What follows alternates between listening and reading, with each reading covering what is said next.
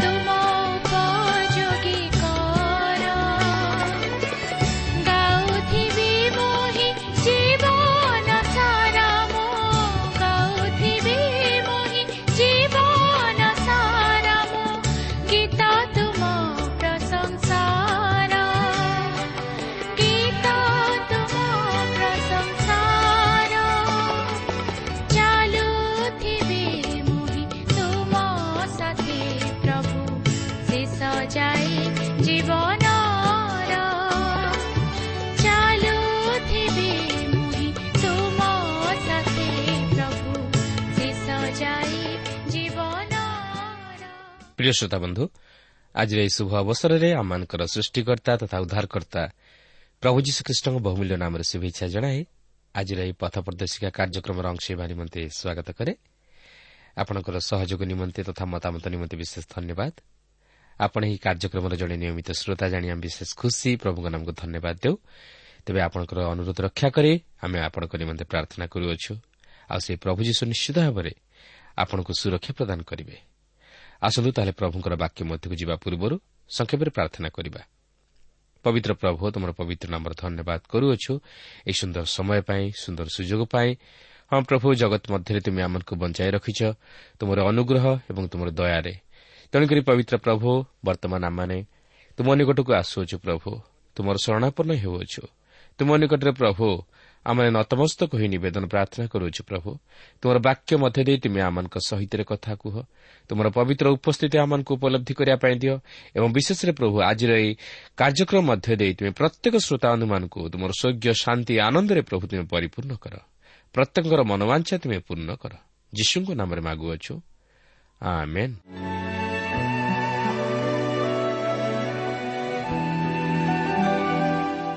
ଆସନ୍ତୁ ବର୍ତ୍ତମାନ ଆମେ ପ୍ରଭୁଙ୍କର ବାକ୍ୟ ମଧ୍ୟକୁ ଯିବା। ଆଜି ଆମେ ଦ୍ୱିତୀୟ ସାମୁଏଲ ପୁସ୍ତକର ବାଇଶ ପର୍ବର ଚାରିପଦରୁ ଆରମ୍ଭ କରି ତେଇଶ ପର୍ବର ଅଣଚାଳିଶ ପଦ ପର୍ଯ୍ୟନ୍ତ ଅଧ୍ୟୟନ କରିବା ନିମନ୍ତେ ଯିବା। ଏଠାରେ ମୁଁ ଆପଣଙ୍କୁ ସ୍ମରଣ କରାଇଦିଏ ଯେ ଗତ ପାଠରେ ଆମେ ଦେଖିଥିଲୁ ଦାଉଦ କିପରି ତାଙ୍କର ଶେଷ ଜୀବନରେ ସେ ଈଶ୍ୱରଙ୍କର ସମସ୍ତ ଅନୁଗ୍ରହଦାନ ମଙ୍ଗଳଦାନକୁ ସ୍ମରଣ କରୁ କରୁ କିପରି ତାହାଙ୍କର ପ୍ରଶଂସା କରୁଛନ୍ତି ଗୀତ ମାଧ୍ୟମରେ ଆଉ ସେ କିପରି ପ୍ରଭୁଙ୍କର ଧନ୍ୟବାଦ କରୁଛନ୍ତି ତାଙ୍କର ଗୌରବ କରୁଅଛନ୍ତି ତାହା ଆମେ ଲକ୍ଷ୍ୟ କରିଥିଲୁ। ଆଜି ମଧ୍ୟ ଆମେ ତହିଁର କ୍ରମଶଃ ଅଧ୍ୟୟନ କରିବା ନିମନ୍ତେ ଯିବା। ଦେଖନ୍ତୁ ବାଇଶ ପର୍ବର ଚାରିପଦରୁ ପଇଁତିରିଶ ପଦ ମଧ୍ୟରେ ଆମେ ଦେଖୁଛୁ ଯେ ଦାଉଦ ନିଜ ଜୀବନରେ ଯେଉଁ ସମସ୍ତ ଅନୁଭୂତି ମଧ୍ୟ ଦେଇ ଗତି କରିଥିଲେ ଓ ଈଶ୍ୱର ତାହାଙ୍କୁ କେଉଁପରି ଭାବେ ଉଦ୍ଧାର କଲେ ଓ ତାହାଙ୍କ ସହବର୍ତ୍ତୀ ହୋଇ ସମସ୍ତ ବିଷୟରେ ମଙ୍ଗଳ ପ୍ରଦାନ କଲେ ସେହିସବୁ ସେ ବର୍ଣ୍ଣନା କରିଅଛନ୍ତି। ତେବେ ସେହିସବୁକୁ ମୁଁ ବର୍ତ୍ତମାନ ଅଧ୍ୟୟନ କରିବା ପାଇଁ ଯାଉନାହିଁ ଆପଣ ନିଜର ବ୍ୟକ୍ତିଗତ ବାଇବଲ ଅଧ୍ୟୟନ ସମୟରେ ତାହାକୁ ପାଠ କରିନେବେ। ସେହି ସମସ୍ତ ଅନୁଭୂତି ମଧ୍ୟରୁ ଆପଣ ଆପଣଙ୍କ ଜୀବନରେ କେଉଁ ଅନୁଭୂତି ମଧ୍ୟ ଦେଇ ଗତି କରିଅଛନ୍ତି ଓ ପ୍ରଭୁଙ୍କର ଉଦ୍ଧାରର ତଥା ଆଶ୍ଚର୍ଯ୍ୟ ଶକ୍ତିର କାର୍ଯ୍ୟକୁ କିପରି ଅନୁଭବ କରିପାରିଛନ୍ତି ତହିଁର ଅନୁଭୂତି ପତ୍ର ମାଧ୍ୟମରେ ଆମ ନିକଟକୁ ଲେଖି ଜଣାଇବା ନିମନ୍ତେ ଅନୁରୋଧ। ତାଛଡ଼ା ଆପଣ ଆପଣଙ୍କର ଗତ ଜୀବନରେ ଈଶ୍ୱରଙ୍କର ସମସ୍ତ ସାହାଯ୍ୟ ତଥା ଆଶୀର୍ବାଦ ସବୁକୁ କେଉଁପରି ଅନୁଭୂତି ମଧ୍ୟ ଦେଇ ଉପଲବ୍ଧି କରିପାରିଛନ୍ତି ତହିଁର ସାକ୍ଷ୍ୟ ପତ୍ର ମାଧ୍ୟମରେ ଆମକୁ ଜଣାଇବା ନିମନ୍ତେ ଅନୁରୋଧ। ଆସନ୍ତୁ ଏହାପରେ ବାଇଶ ପର୍ବର ଛତିଶରୁ ଏକାବନ ପଦ ମଧ୍ୟରେ ଦାଉଦ ତାହାଙ୍କର ସଫଳତାର ବିଷୟକୁ କିପରି ଉପସ୍ଥାପିତ କରିଅଛନ୍ତି ତାହା ଲକ୍ଷ୍ୟ କରିବା ପାଇଁ ଯିବା। ଯାହାକି କେବଳ ତାହାଙ୍କ ପ୍ରତି ଈଶ୍ୱରଙ୍କ ଅସୀମ ଦୟା ତଥା ଅନୁଗ୍ରହକୁ ଉପସ୍ଥାପିତ କରେ। ତେବେ ଏଠାରେ ବିଶେଷ କରି ଛତିଶ ପଦ ଉପରେ ମୁଁ ଆପଣଙ୍କର ଦୃଷ୍ଟି ଆକର୍ଷଣ କରିବା ପାଇଁ ଚାହେଁ। ଦେଖନ୍ତୁ ଛତିଶ ପଦରେ ଏହିପରି ଲେଖା ଅଛି ମଧ୍ୟ ତୁମ୍ଭେ ମୋତେ ନିଜ ପରିତାଣ ରୂପ ଢାଲ ଦେଇଅଛ। ତୁମ୍ଭର ନମ୍ରତା ମୋତେ ବୃଦ୍ଧିପ୍ରାପ୍ତ କରିଅଛି। ଏଠାରେ ଦାଉଦ ନିଜର ଶକ୍ତି ତଥା କ୍ଷମତା ବା ବାହୁବଳକୁ ପ୍ରକାଶ କରୁନାହାନ୍ତି। ମାତ୍ର ନିଜର ନମ୍ରତାକୁ ଉପସ୍ଥାପିତ କରୁଅଛନ୍ତି। ସେ କହନ୍ତି ତୁମ୍ଭର ନମ୍ରତା ମୋତେ ବୃଦ୍ଧିପ୍ରାପ୍ତ କରିଅଛି।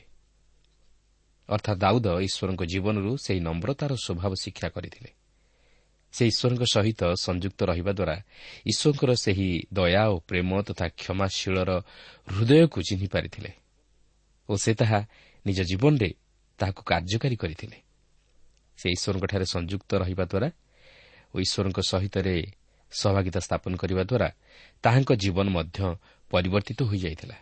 ତାଙ୍କ ହୃଦୟରେ ଦୟା ତଥା ନମ୍ରତାର ଭାବ ଜାତ ହୋଇଥିଲା ଓ ସେହି ନମ୍ରତା ଦ୍ୱାରା ଯେ ସେ ଏକ ମହାନ ରାଜ୍ୟର ମହାନ ରାଜା ରୂପେ ପ୍ରତିଷ୍ଠିତ ହେଲେ ଓ ତାହାଙ୍କ ଜୀବନରେ ଉନ୍ନତି କରିପାରିଥିଲେ ଓ ସମ୍ଭ୍ରମର ଅଧିକାରୀ ହୋଇପାରିଥିଲେ ତାହା ସେ ଏଠାରେ ପ୍ରକାଶ କରନ୍ତି। ପବିତ୍ର ବାଇବଲ କହେ ନମ୍ରତା ସମ୍ଭ୍ରମର ସମ୍ମୁଖବର୍ତ୍ତୀ। ପ୍ରିୟ ବନ୍ଧୁ ଯେପର୍ଯ୍ୟନ୍ତ ଆମର ଜୀବନ ଖ୍ରୀଷ୍ଟଙ୍କ ସହ ସଂଯୁକ୍ତ ହୋଇନାହିଁ ବା ଆମେ ଖ୍ରୀଷ୍ଟଙ୍କୁ ଆମ ହୃଦୟରେ ଗ୍ରହଣ କରି ତାହାଙ୍କ ସହ ସହଭାଗିତା ସ୍ଥାପନ କରିନାହୁଁ ସେ ପର୍ଯ୍ୟନ୍ତ ଆମ ଜୀବନରେ ପରିବର୍ତ୍ତନ ଘଟିବା ଅସମ୍ଭବ। ଆମ ଜୀବନରେ ନମ୍ରତା ଦେଖାଯାଇ ପାରିବ ନାହିଁ। କି ଈଶ୍ୱରଙ୍କ ଭୟ ମଧ୍ୟ ଆମ ଜୀବନରେ ରହିବ ନାହିଁ। ଖ୍ରୀଷ୍ଟଙ୍କର ସ୍ୱଭାବ ଆମ ଜୀବନରେ ପ୍ରତିଫଳିତ ହୋଇପାରିବ ନାହିଁ। ମାତ୍ର ଯେଉଁ ମୁହୂର୍ତ୍ତରେ ଆମେ ପ୍ରଭୁ ଯୀଶୁଖ୍ରୀଷ୍ଟଙ୍କଠାରେ ବିଶ୍ୱାସ କରି ତାହାଙ୍କୁ ଆମ ଜୀବନରେ ଗ୍ରହଣ କରି ତାହାଙ୍କ ସହ ସଂଯୁକ୍ତ ଜୀବନଯାପନ କରିବା ସେତେବେଳେ ମଧ୍ୟ ଆମେ ଦାଉଦଙ୍କ ପରି ଅନୁଭୂତି ମଧ୍ୟ ଦେଇ ଗତି କରିବା ସଙ୍ଗେ ସଙ୍ଗେ ଈଶ୍ୱରଙ୍କ ସମସ୍ତ ଅନୁଗ୍ରହ ଓ ମଙ୍ଗଳଦାନକୁ ହେଜ କରି ତାହାଙ୍କର ବଳବନ୍ତ ବାହୁଛାୟା ତଳେ ନିଜକୁ ନତନମ୍ର କରି ଜୀବନରେ ସଫଳତା ଲାଭ କରିବା ସଙ୍ଗେ ସଙ୍ଗେ ସମ୍ଭ୍ରମର ଅଧିକାରୀ ହୋଇପାରିବା। ଈଶ୍ୱର ମଧ୍ୟ ଆମମାନଙ୍କର ସବର୍ତ୍ତୀ ହୋଇ ଶୈତାନ ହସ୍ତରୁ ଆମମାନଙ୍କୁ ଉଦ୍ଧାର କରିବା ସଙ୍ଗେ ସଙ୍ଗେ ତାହାଙ୍କ ସମସ୍ତ ଆଶୀର୍ବାଦ ଓ ମଙ୍ଗଳଦାନର ଅଧିକାରୀ କରାଇବେ। ବାସ୍ତବରେ ଦାଉଦଙ୍କର ଏହା ଏକ ମହାନ ଗୀତ ଯାହାକି ଆମମାନଙ୍କ ହୃଦୟ ମନ ଓ ଜୀବନକୁ ପ୍ରଫୁଲ୍ଲିତ କରେ ଓ ଆମମାନଙ୍କୁ ସେହି ଈଶ୍ୱରଙ୍କ ଆଡ଼କୁ ଟାଣିନିଏ ଓ ଜୀବନରେ କିପରି ବଞ୍ଚିବାକୁ ହୁଏ ତାହା ଶିକ୍ଷା ଦିଏ। ତେଣୁ ଆସୁ ସେହି ଅନୁଭୂତିର ଅଧିକାରୀ ହେଉ। ବର୍ତ୍ତମାନ ଆମେ ଦ୍ୱିତୀୟ ସାମୁଏଲ ପୁସ୍ତକର ତେଇଶ ପର୍ବ ମଧ୍ୟକୁ ଯିବା। ଦେଖନ୍ତୁ ତେଇଶ ପର୍ବର ପ୍ରଥମ ପଦରେ ଏହିପରି ଲେଖା ଅଛି ଦାଉଦଙ୍କର ଶେଷ କଥା ଏହି ଯୀଶୁର ପୁତ୍ର ଦାଉଦ କହେ ଯେ ବ୍ୟକ୍ତି ଉଚ୍ଚୀକୃତ ଯେ ଜାକୁବର ପରମେଶ୍ୱରଙ୍କ ଅଭିଷିକ୍ତ ଓ ଇସ୍ରାଏଲ୍ର ମଧୁର ଗାୟକ ସେ କହେ ଦେଖନ୍ତୁ ଦାଉଦ ଯୀଶୀଙ୍କର ପୁତ୍ର ଥିଲେ। ଯୀଶୀ ମଧ୍ୟ ଜଣେ ଉତ୍ତମ ଲୋକ ତଥା କୃଷକ ଥିଲେ। ମାତ୍ର ପ୍ରଭୁ ଦାଉଦଙ୍କୁ ସେହି ପରିବାର ମଧ୍ୟରୁ ଉଠାଇଲେ। ଦାଉଦ ମଧ୍ୟ ସେଥି ନିମନ୍ତେ ଲଜ୍ଜିତ ନଥିଲେ। ସେ ନିଜର ପିତାଙ୍କୁ ମଧ୍ୟ ଏଠାରେ ପରିଚିତ କରାନ୍ତି। ସେ ନିଜର ପିତାଙ୍କୁ ମଧ୍ୟ ସମ୍ମାନିତ କରାନ୍ତି। ପ୍ରକୃତରେ ଦାଉଦଙ୍କୁ ପ୍ରଭୁ ବହୁତ ଉଚ୍ଚକୁ ଉଠାଇଥିଲେ। ସେ ତାହାଙ୍କୁ ରାଜପଦରେ ସମ୍ମାନିତ କରିଥିଲେ। ଦାଉଦ ଇସ୍ରାଏଲ୍ର ଜଣେ ମହାନ ରାଜା ରୂପେ ପରିଚିତ ଥିଲେ। ଈଶ୍ୱର ତାହାଙ୍କୁ ରାଜପଦରେ ଅଭିଷିକ୍ତ କରିଥିଲେ। ଯେଉଁ ଈଶ୍ୱର ଚତୁର ତଥା ସଠ ଜାକୁବଙ୍କୁ ଇସ୍ରାଏଲ୍ରେ ପରିଣତ କଲେ ସେହି ଈଶ୍ୱର ମଧ୍ୟ ଦାଉଦଙ୍କୁ ରାଜପଦରେ ଅଭିଷିକ୍ତ କଲେ।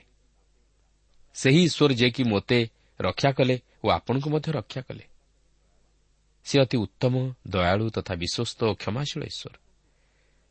ସେ ପ୍ରତ୍ୟେକଙ୍କୁ ଉଦ୍ଧାର କରିବା ପାଇଁ ଚାହାନ୍ତି କାରଣ ସେ ପ୍ରତ୍ୟେକଙ୍କୁ ପ୍ରେମ କରନ୍ତି।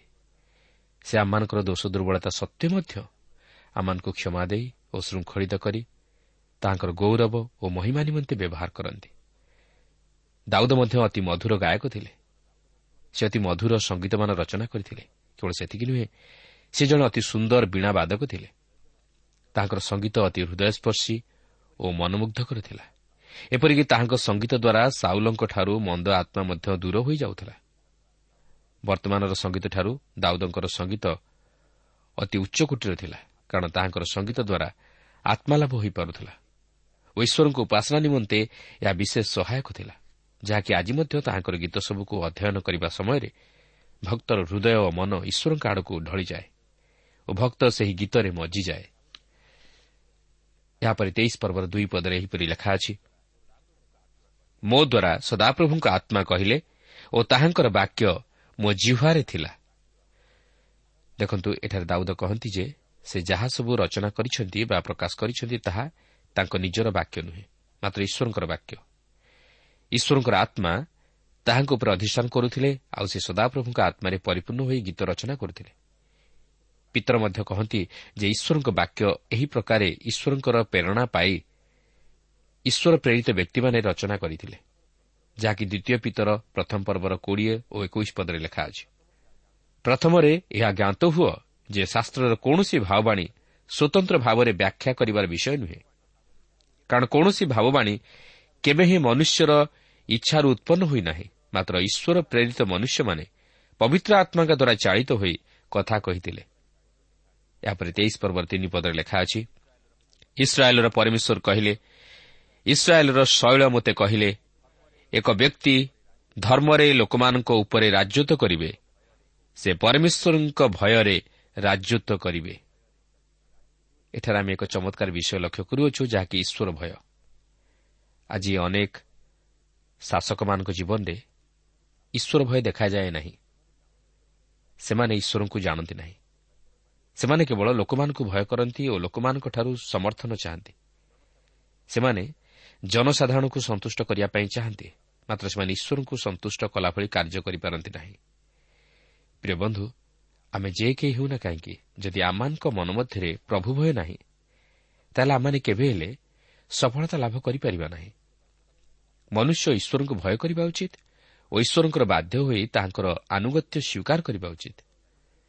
ଏହାପରେ ତେଇଶ ପର୍ବର ଚାରିପଦରେ ଲେଖା ଅଛି ସେ ସୂର୍ଯ୍ୟୋଦୟ ସମୟର ପ୍ରାତକାଳୀନ ଦୀପ୍ତି ତୁଲ୍ୟ ମେଘରହିତ ପ୍ରଭାତ ତୁଲ୍ୟ ହେବେ। ସେ ସମୟରେ ବୃଷ୍ଟି ଉତାରୁ ନିର୍ମଳ କିରଣ ଦ୍ୱାରା ଭୂମିରୁ କୋମଳ ତୃଣ ଅଙ୍କୁରିତ ହୁଏ। ଏଠାରେ ଦାଉଦ ଏକ ଚମତ୍କାର ବିଷୟ ଉପସ୍ଥାପିତ କରନ୍ତି। ଆପଣଙ୍କର ମନେଥିବ ଦ୍ୱିତୀୟ ସାମିଲ ସାତ ପର୍ବରେ ଈଶ୍ୱର ଦାଉଦଙ୍କ ସହିତ ଏକ ନିୟମ ସ୍ଥାପନ କରିଥିଲେ ଯେଉଁ ନିୟମ ଉପରେ ପ୍ରଭୁ ଯୀଶୁଖ୍ରୀଷ୍ଟଙ୍କର ସେହି ଭବିଷ୍ୟତ ରାଜ୍ୟ ପ୍ରତିଷ୍ଠିତ ହେବାକୁ ଥିଲା। ଯଦି ଦାଉଦଙ୍କ ପ୍ରତି କରାଯାଇଥିବା ପ୍ରତିଜ୍ଞା ଅର୍ଥାତ୍ ସେହି ସମସ୍ତ ସୁଖ ସମୃଦ୍ଧି ରାଜତ୍ୱ ପ୍ରାପ୍ତିର ଭାର ଓ ଏହି ପୃଥିବୀରେ ରାଜସିଂହାସନ ଅନନ୍ତକାଳ ପର୍ଯ୍ୟନ୍ତ ସ୍ଥିରୀକୃତ ହୁଏ। ଆଉ ତାହା ହିଁ ଘଟିଲା। କାରଣ ଈଶ୍ୱର ପ୍ରତିଜ୍ଞା କରି କହିଥିଲେ ଯେ ଦାଉଦଙ୍କ ବଂଶରୁ ମସିହ ଆଗମନ କରିବେ ଓ ମସିହଙ୍କର ଆଗମନ ମଧ୍ୟ ହେଲା। ସେହି ମସିହଙ୍କ ବିଷୟ ନେଇ ସେହି ଏଦନ ଉଦ୍ୟାନରେ ହବାଙ୍କୁ ପ୍ରତିଜ୍ଞା ଦତ୍ତ ହୋଇଥିଲା। ତାହାଙ୍କ ବିଷୟ ନେଇ ମଧ୍ୟ ଅବ୍ରାହମ୍ ଇସାହକ ଜାକୁବଙ୍କୁ ମଧ୍ୟ ପ୍ରଦତ୍ତ ହୋଇଥିଲା ଓ ତାହାଙ୍କ ବିଷୟ ନେଇ ମୂଷା ମଧ୍ୟ ପ୍ରକାଶ କରିଥିଲେ। ଝିଅସିଅ ମଧ୍ୟ ପ୍ରକାଶ କରିଥିଲେ ଓ ବର୍ତ୍ତମାନ ତାହାଙ୍କ ବିଷୟ ନେଇ ଈଶ୍ୱର ଦାଉଦଙ୍କ ସହିତ ମଧ୍ୟ ନିୟମ କରୁଅଛନ୍ତି। ତେଇଶ ପର୍ବର ପାଞ୍ଚ ପଦରେ ଲେଖା ଅଛି ସତ୍ୟ ମୋହର ବଂଶ ପରମେଶ୍ୱରଙ୍କ ନିକଟରେ ସେପରି ନୁହେଁ ତଥାପି ସେ ମୋ ସହିତ ସର୍ବ ବିଷୟରେ ସୁସମ୍ପନ୍ନ ଓ ସୁରକ୍ଷିତ ଏକ ଅନନ୍ତକାଳୀନ ନିୟମ କରିଅଛନ୍ତି। ଏଣୁ ସେ ତାହା ବୃଦ୍ଧି ନ କଲେ ହେଁ ଏହା ହିଁ ଆମ୍ଭର ପରମ ପରିତ୍ରାଣ ଓ ପରମ ବାଞ୍ଛା। ଦାଉଦ ଏଠାରେ କହିବାକୁ ଚାହାନ୍ତି ଯେ ସେ ସେଥି ନିମନ୍ତେ ଯୋଗ୍ୟ ନୁହନ୍ତି। ତାହାଙ୍କ ପରିବାର ମଧ୍ୟ ତହିଁ ନିମନ୍ତେ ଯୋଗ୍ୟ ନୁହନ୍ତି। ଏହି ପ୍ରତିଜ୍ଞାଯୁକ୍ତ ବାକ୍ୟର ସଫଳତା ନିମନ୍ତେ ତାଙ୍କର କୌଣସି ଯୋଗ୍ୟତା ମଧ୍ୟ ନାହିଁ। ସେ ଯେ ରାଜା ହୋଇଥିବାରୁ ଈଶ୍ୱର ତାହାଙ୍କର ପ୍ରତିଜ୍ଞା ତାହାଙ୍କର ପରିବାର ମଧ୍ୟରେ ସଫଳ କରିବା ପାଇଁ ଯାଉଅଛନ୍ତି ତାହା ସେ କହନ୍ତି ନାହିଁ କି ଭାବନ୍ତି ନାହିଁ। କିନ୍ତୁ ଏହା ଯେ କେବଳ ଈଶ୍ୱରଙ୍କ ଅନୁଗ୍ରହ ତାହା ସେ ସ୍ୱୀକାର କରନ୍ତି। ଈଶ୍ୱର ଯେ ତାହାଙ୍କର ଅସୀମ ଅନୁଗ୍ରହ ହେତୁ ତାହାଙ୍କ ସହିତ ସେହି ଅନନ୍ତକାଳ ସ୍ଥାୟୀ ନିୟମ କରିଅଛନ୍ତି ତାହା ସେ ପ୍ରକାଶ କରନ୍ତି। ଓ ସେହି ଈଶ୍ୱର ଆଜି ଆପଣଙ୍କୁ ଓ ମୋତେ ତାଙ୍କର ଅସୀମ ଅନୁଗ୍ରହ ହେତୁ ଉଦ୍ଧାର କରିଅଛନ୍ତି କିନ୍ତୁ ଆମମାନଙ୍କର କୌଣସି ଯୋଗ୍ୟତା ବା ଧର୍ମକର୍ମ ହେତୁ ନୁହେଁ। ଈଶ୍ୱର ଆମମାନଙ୍କ ସହିତ ମଧ୍ୟ ଏକ ନିୟମ ସ୍ଥାପନ କରିଅଛନ୍ତି ଆଉ ତାହା ଆପଣ ଜୋହନ ତିନି ପର୍ବର ଷୋହଳ ପଦରେ ଲକ୍ଷ୍ୟ କରିବାକୁ ପାରିବେ। ସେଠାରେ ଲେଖା ଅଛି କାରଣ ଈଶ୍ୱର ଜଗତକୁ ଏଡ଼େ ପ୍ରେମ କଲେ ଯେ ସେ ଆପଣର ଅଦ୍ୱିତୀୟ ପୁତ୍ରଙ୍କୁ ଦାନ କଲେ। ଯେପରି ଯେ କେହି ତାହାଙ୍କଠାରେ ବିଶ୍ୱାସ କରେ ସେ ବିନଷ୍ଟ ନ ହୋଇ ଅନନ୍ତ ଜୀବନ ପ୍ରାପ୍ତ ହୁଏ। ଏହା ହିଁ ହେଉଛି ଆଜି ସମଗ୍ର ମାନବ ସମାଜ ପ୍ରତି ଈଶ୍ୱରଙ୍କର ଅସୀମ ଅନୁଗ୍ରହ ଓ ପ୍ରେମ। ଏଥିନିମନ୍ତେ ଆମେ ଈଶ୍ୱରଙ୍କୁ ଦାବି କରିନଥିଲୁ କିମ୍ବା ଈଶ୍ୱର ଆମମାନଙ୍କର କୌଣସି ପ୍ରକାର ଉତ୍ତମତା ଦେଖି ଏହି ନିୟମ ସ୍ଥାପନ କରିନଥିଲେ କିମ୍ବା ସେ ଏଥିନିମନ୍ତେ ଆମମାନଙ୍କର ମତାମତ ଚାହିଁନଥିଲେ କିନ୍ତୁ ସେ ନିଜେ ନିଜର ସୃଷ୍ଟ ମନୁଷ୍ୟମାନଙ୍କୁ ପ୍ରେମ କରୁଥିବାରୁ ସେମାନଙ୍କର ଉଦ୍ଧାର ସାଧନ ନିମନ୍ତେ ଏହି ନିୟମ ସ୍ଥାପନ କରିଥିଲେ। ଯେପରି ଆମେ ତହିଁରେ ବିଶ୍ୱାସ କରି ପ୍ରଭୁ ଯୀଶୁଙ୍କୁ ଉଦ୍ଧାରକର୍ତ୍ତା ରୂପେ ଗ୍ରହଣ କରିବା ଦ୍ୱାରା ପରିତାଣର ଅଧିକାରୀ ହେଉ। ଈଶ୍ୱର ପ୍ରତିଜ୍ଞାରେ ବିଶ୍ୱସ୍ତ। କେବଳ ଆପଣଙ୍କୁ ଓ ମୋତେ ସେହି ପ୍ରତିଜ୍ଞା ଉପରେ ବିଶ୍ୱାସ କରିବାକୁ ହେବ। ଦାଉଦ କହନ୍ତି ଏହା ହିଁ ମୋହର ପରିତ୍ରାଣ। କାରଣ ସେ ସେହି ପ୍ରତିଜ୍ଞା ଉପରେ ବିଶ୍ୱାସ କରି ପରିତାଣର ଅଂଶୀ ହୋଇଥିଲେ ଓ ସେହି ପ୍ରଭୁ ଯୀଶୁ ପୁନର୍ବାର ଏହି ଜଗତକୁ ଆଗମନ କରି ଏହି ଜଗତରେ ତାହାଙ୍କର ରାଜ୍ୟ ପ୍ରତିଷ୍ଠା କରିବା ପାଇଁ ଯାଉଅଛନ୍ତି ଓ ସେ ଯୁଗେ ଯୁଗେ ରାଜତ୍ୱ କରିବେ। ତାହାଙ୍କ ରାଜ୍ୟର ଶେଷ ହେବ ନାହିଁ। ଏହାପରେ ଆମେ ଦାଉଦଙ୍କର ଯୋଦ୍ଧାମାନଙ୍କର ଏକ ବିବରଣୀ ବା ଏକ ତାଲିକା ପ୍ରଦତ୍ତ ହୋଇଥିବାର ଲକ୍ଷ୍ୟ କରୁଅଛୁ ଯାହାକି ତେଇଶ ପର୍ବର ଆଠ ପଦରୁ ଦଶ ପଦ ମଧ୍ୟରେ ଉଲ୍ଲେଖ ହୋଇଅଛି। ତେବେ ମୁଁ ତାହା ବର୍ତ୍ତମାନ ପାଠ କରିବା ପାଇଁ ଯାଉନାହିଁ କିନ୍ତୁ ଏଠାରେ ମୁଁ ସଂକ୍ଷେପରେ କହି ରଖେ ଯେ ଆପଣଙ୍କର ମନେଥିବ ଏହି ଯେଉଁ ବୀରମାନଙ୍କ ନାମ ଏଠାରେ ସ୍ଥାନ ପାଇଅଛି ଏମାନେ ସେହି ଲୋକ ଯେଉଁମାନେ କି ଦାଉଦ ସାଉଲଙ୍କ ହସ୍ତରୁ ଉଦ୍ଧାର ପାଇବା ନିମନ୍ତେ ଜିରୁସାଲା ମଧ୍ୟରୁ ପଳାଇ ଯାଇ ପାହାଡ଼ ପର୍ବତ ଅରଣ୍ୟ ତଥା ଗୁମ୍ଫା ଓ ଗହ୍ୱରମାନଙ୍କ ମଧ୍ୟରେ ସମୟ ଅତିବାହିତ କରୁଥିବା ସମୟରେ ତାହାଙ୍କ ନିକଟକୁ ଆସି ତାହାଙ୍କ ସହ ସୌଭାଗିତା ସ୍ଥାପନ କରିଥିଲେ।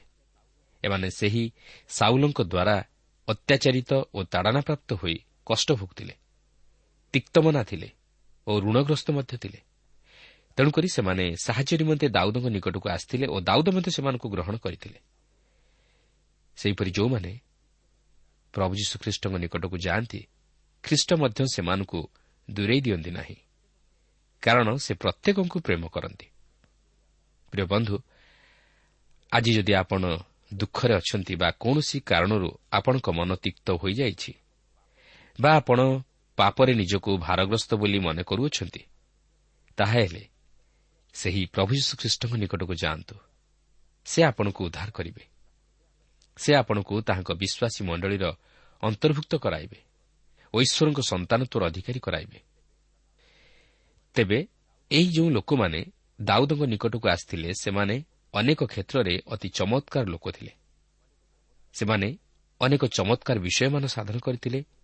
ଆସନ୍ତୁ ସେମାନଙ୍କ ମଧ୍ୟରୁ କେତେକଙ୍କ ପ୍ରତି ଟିକେ ଲକ୍ଷ୍ୟ କରିବା। ତେଇଶ ପର୍ବର ଏଗାରରୁ ବାର ପଦ ମଧ୍ୟରେ ଲେଖା ଅଛି ପୁଣି ତାହା ଉତ୍ତାରେ ହରାରିୟ ଆଗିର ପୁତ୍ର ସମ ଏକ ସମୟରେ ପଲିଷ୍ଟିୟମାନେ କୌଣସି ମସୁରପୂର୍ଣ୍ଣ କ୍ଷେତ୍ର ନିକଟରେ ଏକତ୍ର ଦଳବଦ୍ଧ ହୁଅନ୍ତେ ଲୋକମାନେ ପଲିଷ୍ଟିୟମାନଙ୍କ ଆଗରୁ ପଳାଇଲେ। ମାତ୍ର ସମ ସେହି କ୍ଷେତ୍ର ମଧ୍ୟରେ ଠିଆ ହୋଇ ତାହା ରକ୍ଷା କଲା ଓ ପଲିଷ୍ଟିୟମାନଙ୍କୁ ବଦ୍ଧ କଲା। ତହିଁରେ ସଦାପ୍ରଭୁ ମହାଜୟ ସାଧନ କଲେ। ଦେଖନ୍ତୁ ଏକ ମସୁରପୂର୍ଣ୍ଣ କ୍ଷେତ୍ରକୁ ରକ୍ଷା କରିବା ସେପରି ଗୁରୁତ୍ୱପୂର୍ଣ୍ଣ ବିଷୟ ପରି ଜଣାଯାଏ ନାହିଁ। ମାତ୍ର ଇସ୍ରାଏଲ୍ ସନ୍ତାନଗଣ ନିମନ୍ତେ ଖାଦ୍ୟର ଆବଶ୍ୟକତା ଥିଲା। ସେହି ସମୟରେ ଏହିପରି କାର୍ଯ୍ୟ କ୍ରମାଗତ ଲାଗି ରହିଥିଲା। ପଲିଷ୍ଟିୟମାନେ ଇସ୍ରାଏଲୀୟମାନଙ୍କର ଶସ୍ୟ ଅମଳ ସମୟ ପର୍ଯ୍ୟନ୍ତ ଅପେକ୍ଷା କରି ରହୁଥିଲେ ଓ ଯେଉଁ ସମୟରେ ସେହି ଶସ୍ୟ ଅମଳର ସମୟ ପାଖେଇ ଆସୁଥିଲା ସେମାନେ ଇସ୍ରାଏଲୀୟମାନଙ୍କର ସେହିସବୁ ପାଚିଲା ଶସ୍ୟ କ୍ଷେତ୍ରକୁ ଯାଇ ତାହା ସବୁ ନଷ୍ଟଭ୍ରଷ୍ଟ କରିଦେଉଥିଲେ ଓ ସେହିସବୁକୁ ଚୋରି କରି ନେଇଯାଉଥିଲେ।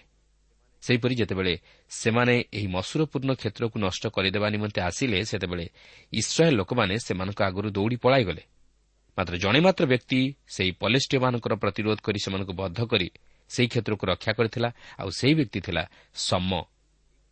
ଏହାପରେ ତେଇଶ ପର୍ବର ତେର ପଦରୁ ପନ୍ଦର ପଦ ମଧ୍ୟରେ ଏହିପରି ଲେଖା ଅଛି ଆଉ ତିରିଶ ଜଣ ପ୍ରଧାନଙ୍କ ମଧ୍ୟରୁ ତିନି ଜଣ ଶସ୍ୟଚ୍ଛେଦନ ସମୟରେ ଅଦୁଲମ ଗୁମ୍ଫାକୁ ଦାଉଦଙ୍କ କତିକି ଆସିଥିଲେ। ସେତେବେଳେ ପଲେଷ୍ଟିୟମାନଙ୍କ ସୈନ୍ୟ ରଫାଇମ୍ ତଳଭୂମିରେ ଛାଉଣି ସ୍ଥାପନ କରିଥିଲେ। ସେ ସମୟରେ ଦାଉଦ ଦୁର୍ଗମ ସ୍ଥାନରେ ଥିଲେ। ଓ ପଲେଷ୍ଟିୟମାନଙ୍କ ପ୍ରହରୀ ସୈନ୍ୟ ଦଳ ବେଥଲେହେମ୍ରେ ଥିଲେ।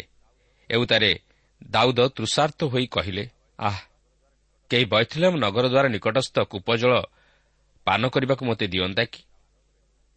ଦାଉଦ ବେଥଲେମ୍ରେ ବଢ଼ିଥିଲେ ଓ ସେ ସେହି ବୈଥଲମ୍ ନଗର ଦ୍ୱାରା ନିକଟସ୍ଥ କୂପରୁ ଜଳପାନ କରିବାକୁ ଚାହିଁଥିଲେ କାରଣ ସେ ସେହି ଅଦୁଲମ୍ ଗୁମ୍ଫାରେ ଥିବା ସମୟରେ ତୃଷା ଅନୁଭବ କଲେ। ମାତ୍ର ସେହି ସମୟକୁ ପଲେଷ୍ଟିୟମାନଙ୍କ ପ୍ରହରୀ ସୈନ୍ୟ ଦଳ ବୈଥଲୟମ୍ରେ ଥିଲେ।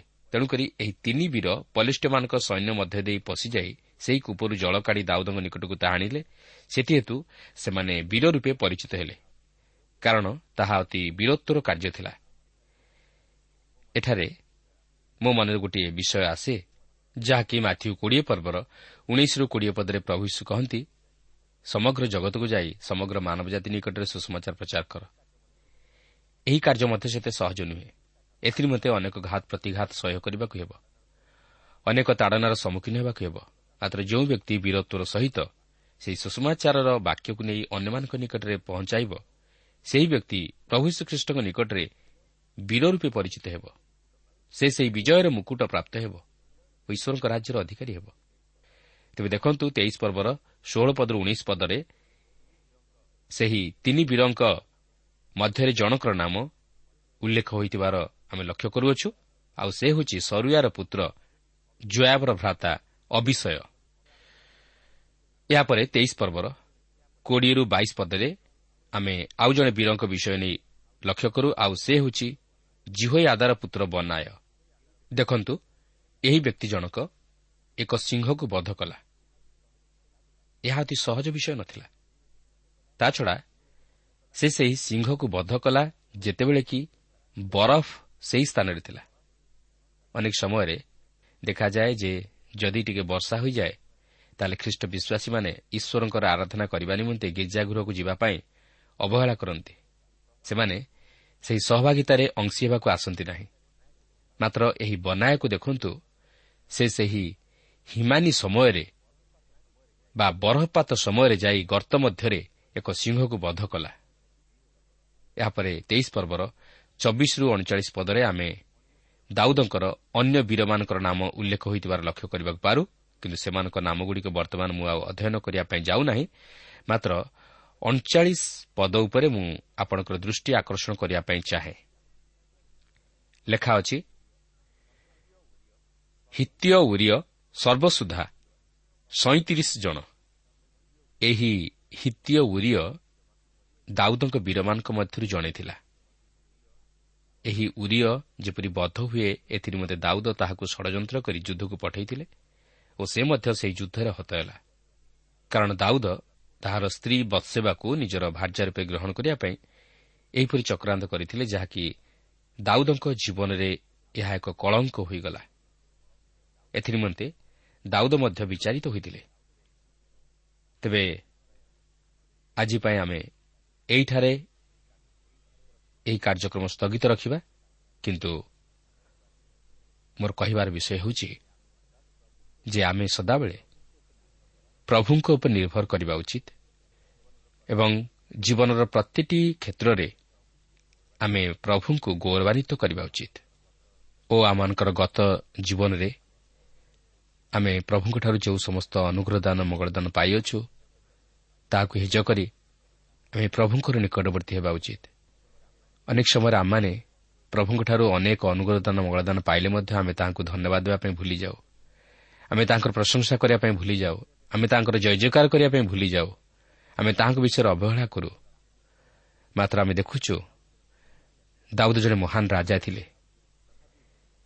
ତଥାପି ସେ ଯେତେବେଳେ ତାହାଙ୍କର ଗତ ଜୀବନକୁ ଯେତେବେଳେ ସମୀକ୍ଷା କଲେ ଏବଂ ତାଙ୍କର ଗତ ଜୀବନର ସମସ୍ତ ଅନୁଭୂତିକୁ ଯେତେବେଳେ ସେ ସମୀକ୍ଷା କଲେ ସେ ପ୍ରଭୁଙ୍କର ଧନ୍ୟବାଦ ନ ଦେଇ ରହିପାରିଲେ ନାହିଁ।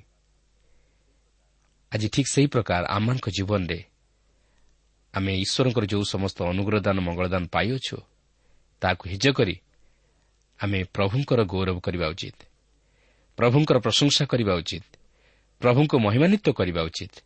ତାହେଲେ ପ୍ରଭୁ ତହିଁରେ ସନ୍ତୁଷ୍ଟ ହେବେ ଆଉ ସେ ମଧ୍ୟ ଆମମାନଙ୍କ ଜୀବନରେ ତାହାଙ୍କର ମହତ ଅଭିମତକୁ ସଫଳ କରିପାରିବେ। ପ୍ରଭୁ ପ୍ରତ୍ୟେକଙ୍କୁ ଏହି ସଂକ୍ଷିପ୍ତ ଆଲୋଚନା ମଧ୍ୟ ଦେଇ ଆଶୀର୍ବାଦ କରନ୍ତୁ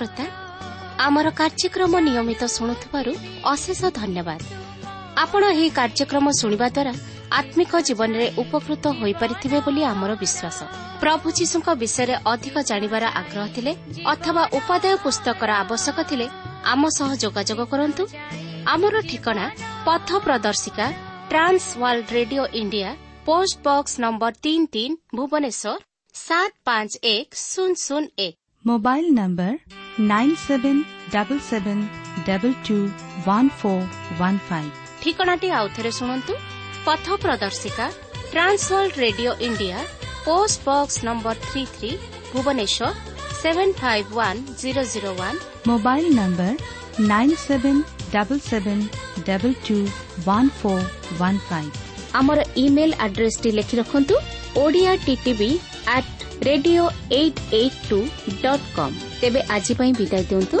ନମସ୍କାର।